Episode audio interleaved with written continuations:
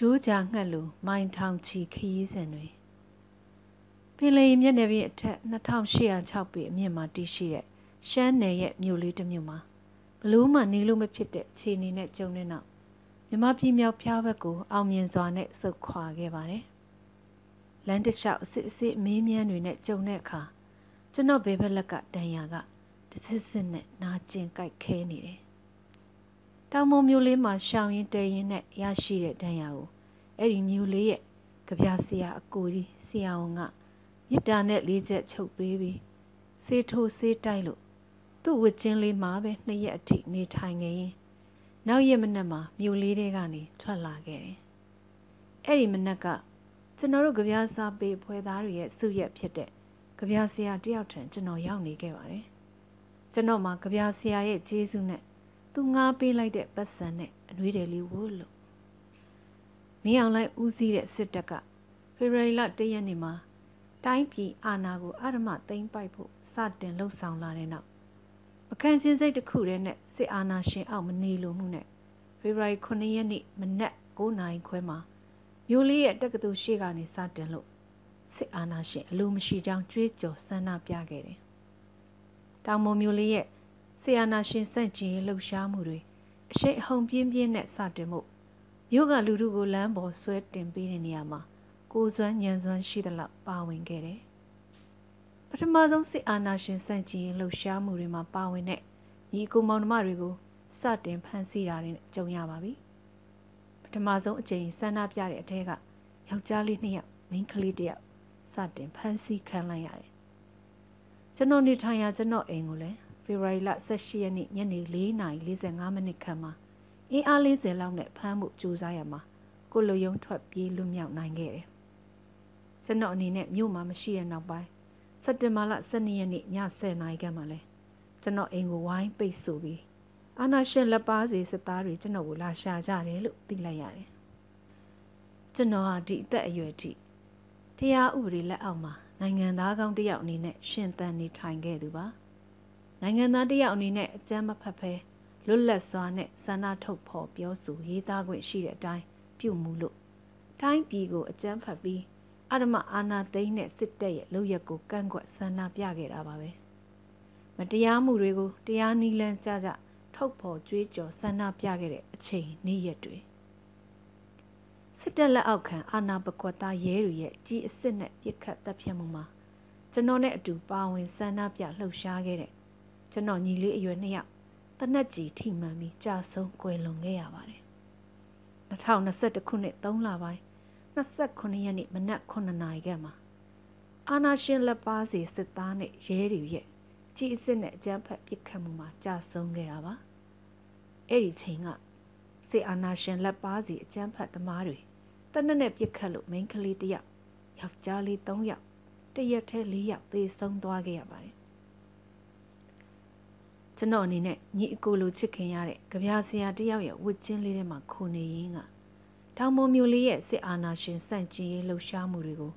ကိုးစွမ်းညံစွမ်းရှိသလောက်ပါဝင်လှုပ်ဆောင်ခဲ့ရင်ဖမ်းဆီးတွေကြားကတဖြည်းဖြည်းနဲ့ကျင်းလာတဲ့တောင်ပေါ်မြို့မှာ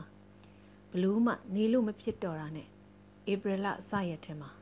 မျိုးလေးတွေကနေအောင်မြင်စွာနဲ့စုတ်ခွာထွက်လာခဲ့ရပြီ။ညီအကိုလိုချစ်ခင်ရတဲ့ကြပြာဆရာရဲ့ဝတ်ကျင်းလေးထဲမှာနေထိုင်စဉ် အစစအစင်ပြေအောင်ကျွေးမွေးခဲ့တဲ့သူ့မိသားစုဝင်တွေကိုလည်းကျွန်တော်ဘဝတလျှောက်သေဆောင်သွားရမယ်ကျေးဇူးတရားတွေပါပဲအဲ့ဒီတောင်ပေါ်မြို့လေးကနေတဆင့်မန္တလေးမြို့ကိုညမမောင်ခင်မှာရောက်ချင်နေမိတယ်လန်ကီတလျှောက်လက်နက်ကင်စစ်သားတွေရဲ့စစ်ဆေးမင်းမြတ်မှုတွေကိုဖြေရင်းကမြမပြည်မြောက်ပြားဘက်စီဥတီနေတဲ့ကားပေါ်မှာကြုံတယ်လို့ဖြစ်တယ်လို့စီးရင်ခီးရဲ့တဲဆောင်ရအတိုင်းလိုက်ပါသွားခဲ့ပါတယ် အာနာရှင်စစ်တပ်ရဲ့လက်ပါစီပကွက်သားတွေရဲ့ဖမ်းဆီးပြီးညှဉ်းပန်းနှိပ်စက်မှုနဲ့မကြုံကျင်လို့မျိုးလေးတွေကထွက်ချလာတဲ့ကျွန်တော်မှာအာနာရှင်မောင်းထုတ်မဲ့လူမရှိဆိုတဲ့ကြွေးကြော်တဲ့ကိုလမ်းပြမြေပုံလိုမှတ်ယူလို့ခရီးရဲ့တဲဆောင်ရအတိုင်းလိုက်ပါချီတက်နေပါတော့တယ်။စာရေးဆရာကြီးဗမော်တင်အောင်ပြောခဲ့တဲ့စကားလိုလူတယောက်ရဲ့တန်မိုးဟာသူဖြတ်တန်းကြော်လွားနေတဲ့ခစ်ကြီးက သူ့ပခုံးပေါ်တင်ပေးလိုက်တဲ့သမိုင်းတာဝန်ကိုသူဘလောက်တည်ဖို့ထမ်းရွက်ခဲ့တယ်ဆိုတဲ့အချက်နဲ့တိုင်းတာရမှာပဲကျွန်တော်အနေနဲ့ကြပြရေးရင်ခင်မင်းရင်းနှီးခဲ့ရတဲ့ညီလေးတစ်ယောက်ရဲ့ကျေးဇူးနဲ့ကြောက်စိမ့်မြေဒေသတနေရာမှာရှိနေခဲ့ပါတယ်။ကြောက်စိမ့်မြေမှာကြပြားစရာတွေကိုတွေ့ကျင်မိတာနဲ့အဲ့ဒီရက်ကမြို့လေးတစ်မြို့မှာရှိနေတဲ့ကြပြားစရာတွေထံသွားခဲ့ပါတယ်။ခုလိုကာလာဆိုးကြီးမှာဘယ်ဒေသဘယ်နေရာရောက်ရောက် လုံခြုံမှုမရှိဘူးလို့ယူဆတာကြောင့်အဲ့ဒီမြို့ကကြပြားစရာတွေနဲ့လက်ဖက်ရည်ဆိုင်တစ်ခုမှာအချိန်မိနစ်30နီးပါးလောက်ပါပဲတွေ့ဆုံနှုတ်ဆက်စကားပြောခဲ့တယ်မမရရကျွန်တော်အနေနဲ့အခုလိုချိန်မှာငွေကြေးခက်ခဲနေမယ်ဆိုတာသိတော့အဲ့ဒီရက်ကကြပြဆရာနှစ်ယောက်ကငွေကြေးတစ်ယောက်တစ်သောင်းစီပေးခဲ့တယ်ကျွန်တော်မယူဘူးလို့ညင်းဆန်မိမဲ့စာပေကြပြကြီးအကိုချစ်စိတ်နဲ့ကျွန်တော်လက်ထဲထည့်ပေးခဲ့တာကိုကျွန်တော်အနေနဲ့ဝမ်းနေဝမ်းသာဖြစ်ပြီး မျက်ရည်ဝဲစို့နေခဲ့ရပါတယ်ဝမ်းနေရတယ်ဆိုတာကအခုလိုကာလာဆိုးကြီးအတွင်းမှာသူတို့လည်းငွေကြေးခက်ခဲနေတဲ့ကြားကကြပြာညီအကိုချစ်စိတ်နဲ့ကျွန်တော်ကိုငွေကြေးကူညီပေးခဲ့တာကိုပါကဘာလဲတယ်လို့မျက်ရည်လဲခဲ့ရတဲ့နေများတယ်ငုံမခံလို့ပခုံးပေါ်တက်မရက်လို့ရိုးသားသောအော်ဒန်သာပြန်ကြွေလာရစမြဲလဲမစင်းခဲ့အိတ်မငိုက်ခဲ့ နားဆိုင်ထားသည်မြတေးတပုတ်ဖြစ်ခြင်းနဲ့သွားကြရအောင်တကားခောက်တန်နောက်မှာအမိငိုနေတယ်တငါအိုကြီးဟဲမင်းဝေပခုံးလာပုတ်တယ်အမင်ငိုနေတယ်ဘန်ကိုအာလူးပြုတ်ထားတယ်တဲ့အမင်ငိုနေတယ်သင်မောဥမာကိုငှက်ထိုင်နေတယ်အမေအိမ်တေးသွားလေးလေးချွန်နေတယ်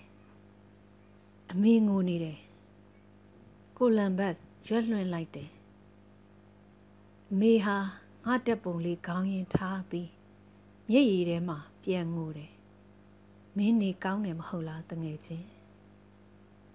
ကျွန်တော်အနေနဲ့မေတ္တာတရားတွေစီးစင်းရာကြပြဆရာတွေရှိနေတဲ့အဲ့ဒီမြို့လေးကနေအထွက်လမ်းတစ်လျှောက်ကြပြဆရာနှစ်ယောက်ရဲ့ကြပြစာသားတချို့ကိုစိတ်ထဲမှတ်မှတ်ရရရွတ်ပွားရင်းက